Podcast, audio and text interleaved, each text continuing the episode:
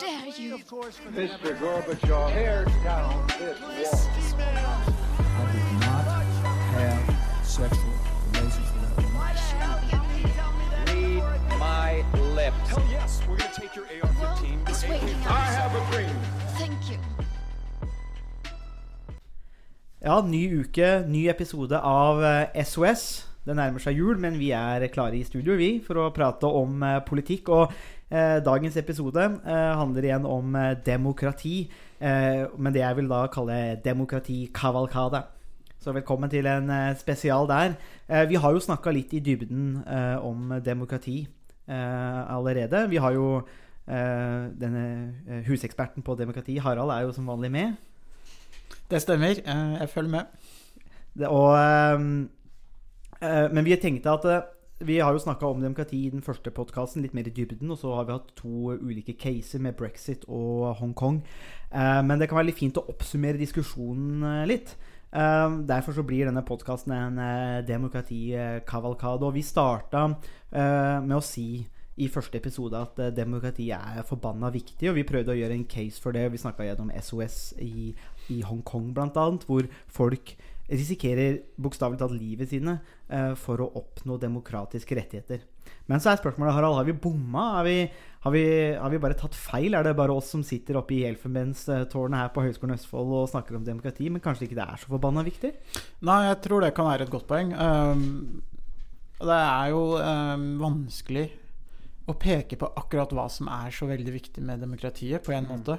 Uh, veldig ofte så feirer vi jo demokrati, og vi har jo en sånn eh, demokratibonanza i Norge hver 17. mai. Eh, så det er jo en slags demokratifestival, eh, omtrent. Ja, Det blir jo en sånn halvveis truisme.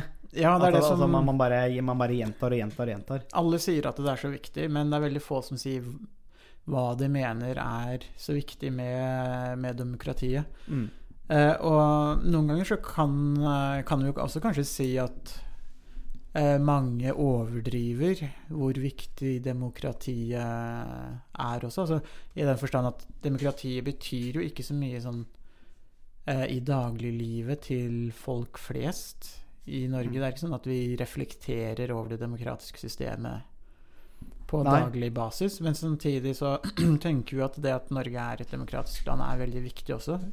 Mm. Eh, så noe av det vi har prøvd, eh, og spesielt den første podkasten, var jo å si litt om hva vi tenker kan være viktig med demokratiet.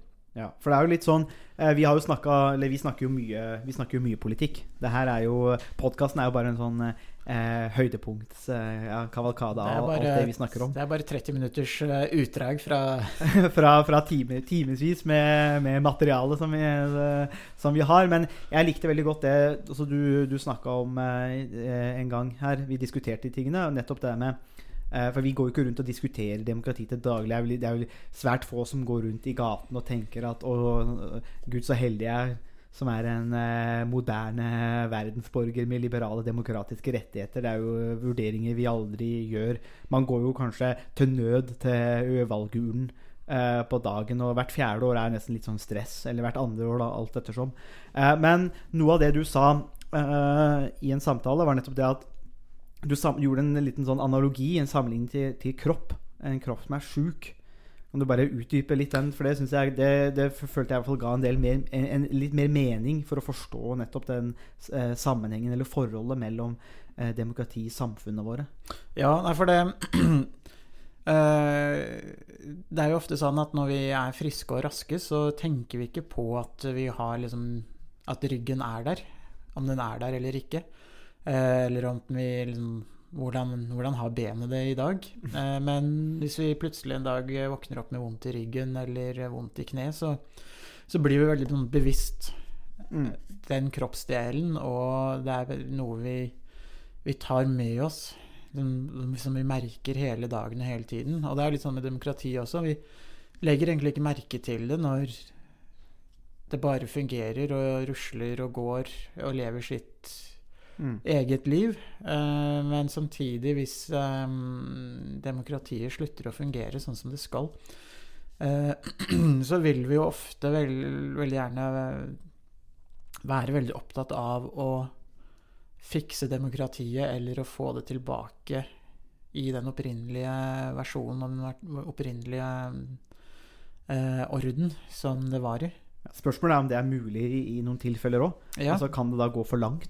Ja, altså Hvis vi trekker den analogien med kroppen lenger, så er det jo noen ganger sånn at man får uh, uhelbredelige sykdommer også. Mm. Og da er det jo umulig, eller for sent, Mm. eh, å gjøre noe. Man kan også se litt på det i Hong, som har skjedd i Hongkong de siste Mm. månedene. Og um, noe av det de protesterer mot, det er jo Eller noe av det de ønsker, er jo å få et mer sånn velfungerende politisk system. Mm. eh, Hvor rettsstatsprinsippene blir opprettholdt, eh, og hvor de har en litt mer sånn grunnleggende mulighet til å påvirke den politiske kursen. Ja, jeg tenker jo også litt på det med Hvis vi fortsetter det med, med, med kroppen, da. At eh, det, det er noe vi kjenner oss igjen nå. At hvis vi er forkjøla eller vi har fått en eller annen sykdom eller noen skavanker, så er det sånn ah, Vi skulle tatt bedre vare på oss sjøl før. Mm. Eh, altså Hvorfor gjorde vi ikke det? Vi skulle spist mer C-vitaminer eller D-vitaminer, eller vi skulle trent mer. Vi kunne Eh, forsøkt å forebygge Ja, gudene vet hva. Og, og i det øyeblikket så er vi, er vi veldig oppmerksomme på situasjonen. Men det som også er fantastisk er, og merkelig, er jo det at etter en sykdom, så, eller det ting har blitt bra, så glemmer vi jo hvordan det var. Altså da har man glemt Så på en måte så har den bevisstheten, den, den forsvinner. Den, den gjør det. Og det, det blir på en måte samme måte som med sykdom, og Mm. kanskje sånn som med demokrati, og sånn som i Norge, så kan vi kanskje nesten si at det fungerer så utrolig bra. Altså Det spiller ingen rolle om det er Erna, Siv eller, eh, eller eh, Jonas nesten på i, i- som i statsministerposisjon, for at institusjonene er så solide, og det går, og det er ikke så stor forskjell mellom partiene. Så da Mm. ja. Og det, er jo, men det kan man jo også si er noe av utfordringen med et moderne demokrati. Partiene Mm. blir likere. Ja. Eh, Spesielt hvis man ser på um, Høyre og Arbeiderpartiet i Norge, så eh, er det ikke så stor forskjell. Hvis man ser på finansministeren som man har hatt i Norge fra 2005 eh, Eller fra 2001, egentlig, og fram Mm. til i dag. Så i 2001 så var det jo Per Christian Foss fra Høyre som var finansminister. Eh, og så fra 2005 så var det jo eh, Kristin Halvorsen fra eh, Mm. Sosialistisk Venstreparti. Og det er jo slående hvor like Mm. eh, Høyre-statsråden og SV-statsråden faktisk var som eh, finansminister. Og det samme ser man jo med dagens regjering og den forrige rød-grønne regjeringen også. Det er stø kurs. Mm. Eh, og problemet med det er jo at det betyr ikke så mye hvem man stemmer på, eh, kan man si. Mm. Ja, det kan jo være en utfordring, men det kan også være bra. Altså, Så, ja, det, er, det, er, det er to ulike hensyn. det det, er, det er akkurat det. Så på den ene siden så er det veldig bra at man har et stabilt politisk system, men samtidig hvis man Da kan man kanskje ikke bebreide folk så veldig mye for at de syns politikerne er like. Men så er da problemet at hvis man ikke bryr seg over tid, så vil, og, for, og, og ting kan gå veldig bra, så er jo, vil jo problemet være at over tid så vil jo eh, institusjonene sakte, men sikkert på en måte undermineres. Eller det er iallfall en sjanse for det. da. Ja, og det er det som vi også var litt inne på som, som noe av det viktige med demokratiet, nemlig det at det er eh, fredelig maktovertagelse. Eh, og hvis det samme partiet kanskje styrer over veldig lang tid, så kan det øke sjansen for korrupsjon og en slik viss, viss maktarroganse. Makt, maktarroganse. Mm. Og det eh, er jo noe man unngår ved at man har eh, en konkurranse om den politiske makten. Men det er klart, noe som også er litt interessant, er jo liksom i hvilken grad er de moderne politiske systemene demokratiske? For det er jo gjerne sånn at folk flest har jo veldig liten innflytelse Mm. På hva som skjer. Vi stemmer en gang hvert andre år, i, i beste fall. Altså man kan jo si at vi i større grad blir styrt av en elite, men at vi kan velge, Eliten. velge eliten, rett og Mm. slett. Eh, og, det, og da er det jo spørsmål er det demokrati. Og hvis man ser på hvordan demokratiet ble praktisert i antikken, så, mm, så var det jo delvis et system hvor man uh, valgte tilfeldig. Ja.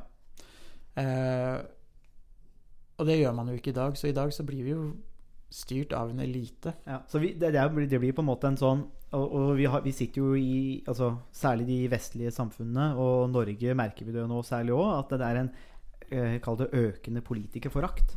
Eh, og noe av det henger jo litt sammen med nettopp den der elite. At de får en slags elitestatus. Men samtidig så er jo det en elitestatus vi har gått mot med åpne øyne. eh, på en måte. Fordi altså, de fleste, majoriteten, vil ikke eller orker ikke å sette seg inn i hver eneste politiske sak og ha kunnskap. For det krever jo et enormt arbeid. Og veldig mange av oss vil, være- vil jo være fornøyd med å sette det vekk til noen. Samtidig så skaper jo det en asymmetri eh, i makt og informasjon, som igjen kan bidra til å skape den type makt eh, Eller eh, eh, forakt, da. Det er nettopp det. Og eh, selv på Stortinget så er det en veldig stor grad av arbeidsdeling, hvor man Mm.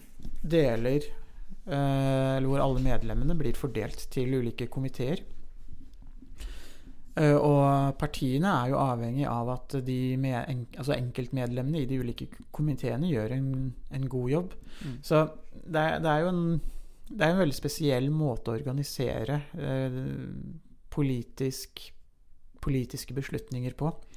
Eh, og det som er noe av utfordringen med det som du var inne på med mm, asymmetri, og at noen får veldig mye kunnskap eh, som ikke andre har, eh, om politiske spørsmål, hvordan samfunnet og staten fungerer, er jo litt det at hva en del politikere gjør etter at de er ferdig med sin politiske karriere, hvor, hvor jeg har sett at mange ender opp som eh, lobbyister, Mm. eh, kommunikasjonsrådgivere, og hvor det da egentlig tjener penger på den kunnskapen de har fått som tillitsvalgte. Mm. Og det er det jo mange som tenker kan være problematisk. Ja, det der, ja, ja, det der er jo fryktelig interessant. Det er jo uh, vi, vi kommer til å snakke om det i eh, flere episoder av eh, SOS uh, på nyåret, når vi uh, skal i gang med litt sånn eh, mer diskusjoner om kapitalisme og Adam Smith. Men han også påpeker jo nettopp det at eh, han er inne på noe av det med asymmetrien. Altså når, når, når noen rike, mektige personer f.eks. kommer sammen, så vil de konspirere mot allmennheten. Mm. Uh, men det er klart at i et informasjonssamfunn så er jo informasjon er jo makt. Det er nettopp det. Og, og noe av problemet her er jo også det at i et moderne samfunn eh, så er veldig mange av de politiske prosessene, økonomiske prosessene, veldig kompliserte, og det krever veldig mye spesialisert kunnskap. Eh, og det i seg selv gjør jo at man må gå i retning av arbeidsdeling og spesialisering, og da skaper man jo den eliten som vi nå snakker om. Sånn helt på, helt på tampen av den diskusjonen her, hva framtida for eh, demokratiet Eh, kan, kan, kan vi snakke om altså, okay, Kan vi snakke om framtida for demokratiet generelt, eller gir det mer mening å snakke om framtida for dem, demok ulike demokratier, altså i ulike land, da, ulike kontekster? Ja, eh, historisk så ser vi at det har vært ulike demokratiseringsbølger, eh, og at det kommer og går litt i hvilken grad demokratiet mm, er på fremmarsj eller ikke i verden. Og eh, de siste årene så har jo demokratiet vært under et visst press, hvor Mm. det har blitt færre mennesker som lever i det man kan kalle reelle demokratier. Så det kan jo tyde på at eh, demokratiet som idé og som styreform eh, til en viss grad er på retrett. Men eh, det, er, vil være vanskelig å si om, om det er en varig trend, eller om det vil være Men- sånn som historien har vist. Men tror du bre, bre, så brexit, sånn som vi snakka om forrige episode, er, er, er, om det er en bra ting for demokratiet? Og da tenker jeg nettopp på det at det har vært valg i Storbritannia i 2015, i 2017. Vi får pinadø et nytt valg nå i 2019. Og eh, neste uke så har vi jo en valgspesial eh, her på SOS. eh, Med utenlandsk eh, ekspertise, så det er bare å henge med til det. Eh, Men jeg tenker på, er det Eh, noen vil jo kanskje si ok, da har man faktisk konkurranse. Man, har, eh, man får mulighet til å ha nye valg, da. Men er det, er det, er det nødvendigvis bra for demokratiet å ha eh, et demokrati som Storbritannia ha valg annethvert år? Ja, man, eh, man kan jo si at jo, jo oftere man har valg, jo oftere folk får si sin mening, jo mer demokratisk er samfunnet. Mm. Eh, fordi at man har flere sjanser til å si sin mening. Men problemet er at det vil jo skape stor grad av usikkerhet, og det vil være vanskelig for et parti eller for en koalisjon å faktisk regjere. Og at Mm. politikken faktisk betyr noe. Så det finnes jo grenser eh, for hvor demokratisk eller hvor ofte man bør ha valg. Og i Storbritannia så har man jo tradisjonelt hatt uh, valg uh, hvert femte år, og så har det vært en flertallsregjering som har styrt. Mm. Uh, og det har jo gitt en stabil politikk. Det har gjort at man kan gjennomføre den politikken man går til valg på. Og det har jo vært noe som altså Thatcher-regjeringen fra 1979 og fram til 1992 eh, fikk jo eh, eller, ja, fikk jo gjennomført veldig mye av politikken sin. Mm. Og de fikk, klarte jo også å vinne valg og bli gjenvalgt. Eh, selv om politikken var veldig kontroversiell, så eh, var det jo på en måte et et eksempel på et, et uh, vitalt demokrati. Mm. Det man ser eh, de siste årene i Storbritannia, er jo at grunnen til at man har hatt så mange valg, er fordi at man ikke har hatt stabile flertallskoalisjoner eller flertallsregjeringer. Mm. Og man har jo egentlig ikke fått gjennomført og iverksatt den politikken man ønsker å, å gjennomføre. Man har ikke klart å, å komme så veldig mye videre på brexit. Nei. Storbritannia er fortsatt EU-medlem, og det er veldig uklart hva som vil være prosessen eh, videre, hva slags tilknytningsform de vil ha til EU når de melder seg ut, osv. Mm. Ja, det er en spennende tid i møte der, og demokrati er jo en levende det er, det er, en, det er, en, det er en levende, et levende fenomen. Det er ikke et statisk Man, man oppnår ikke demokrati, og så er man demokrati for alltid. Og det er en god ting i seg sjøl. Det avhenger veldig av hva man putter inn i demokratiet. Og um, det leder oss inn til det, segmentet som uh, avslutter uh, ukens podkast. Og uh, i en sånn Ettersom det nærmer seg jul, så tenkte vi å starte med et nytt segment som vi, der vi, Harald og jeg, kommer til å anbefale det kan være seg bok, en podkast, film. Eh, eplesorter, kanskje, fra um, eplebonde Harald. Eh, men eh, Spesielt det siste.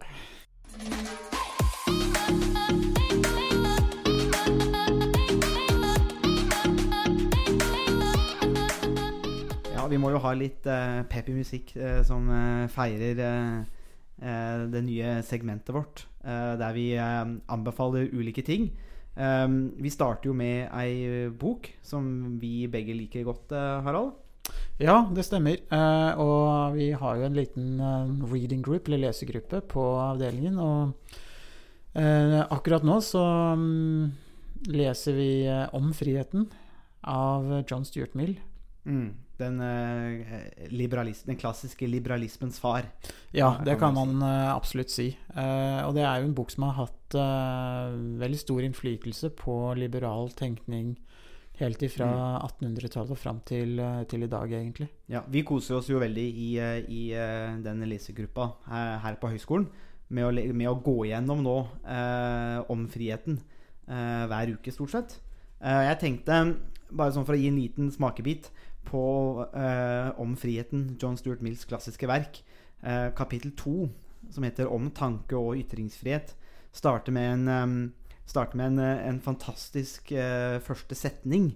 Eh, som går inn på det vi snakka om nå i de siste podkastene, men også i dagens podkast. Nettopp det hva er det man putter inn i demokratiet, og eh, hvorfor det her er så viktig. Så første setning er av sitat. Den tiden er forhåpentlig forbi da vi trengte å forsvare pressefriheten som et vern mot korrupsjon og tyranni.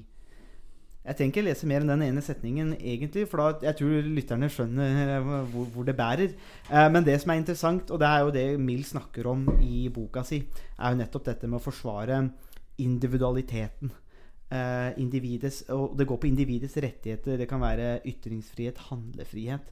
Eh, og det er jo kanskje det, Vi har ikke snakka så mye om det i podkasten, men det er jo eh, noe av det som kjennetegner liberale demokratier, er jo nettopp eh, ytringsfrihet, handlefrihet eh, osv. Ja, og det, det, noe av det viktigste er jo at verdiet blir Eller eh, individet blir sett på som eh, noe som har en verdi i seg selv. Mm. Og som har veldig sterke rettigheter eh, og en sterk beskyttelse. Og det er jo også noe av det som man ser i eh, at protesten i Hongkong handler om.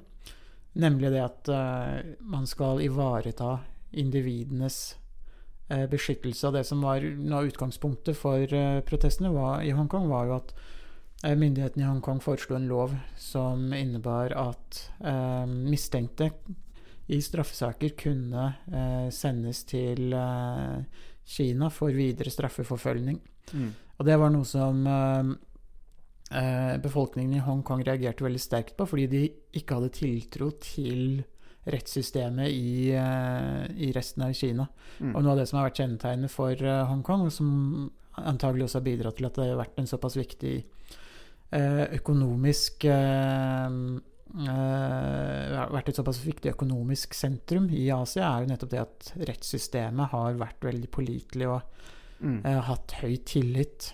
Mm, ja, og, og um, Edward Snowden nå reiste jo til Hongkong for å Etter at han hadde lekka til Glenn Greenwald uh, og The Guardian uh, for en del år siden, så Hongkong var på en måte et sånt fristed, på en måte. Det blir det jo ikke nå, sånn med, med Kinas økende innflytelse, da. Ja, og det er jo det protestene kanskje retter seg litt mot også, og, Mm. eh, og som gjør at eh, mange av demonstrantene kanskje føler at de har ingenting å miste, fordi at Mm.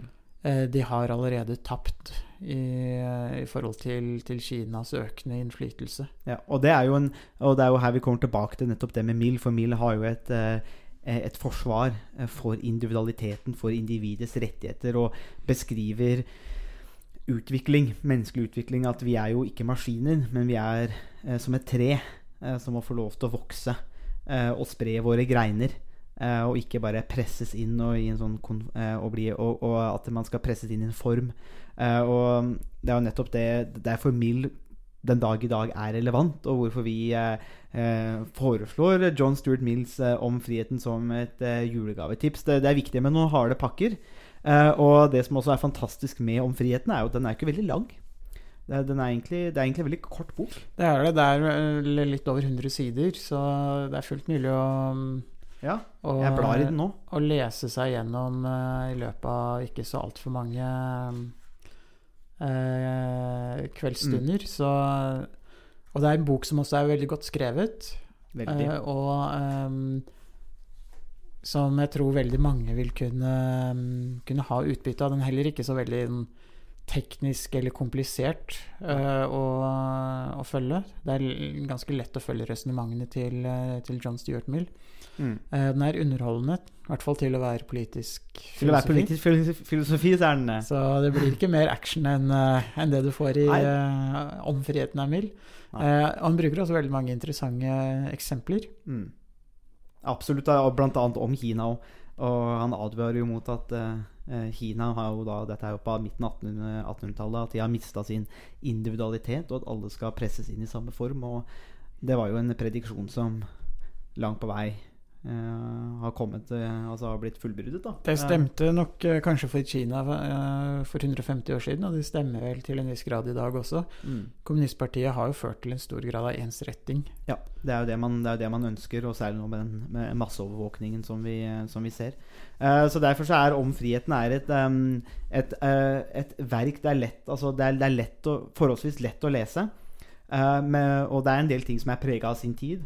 Eh, selvfølgelig på 1800-tallet, og en, en, en tenker som vokste opp som en utilitaristisk baby, nærmest. Eh, en IQ på anslått på over 190.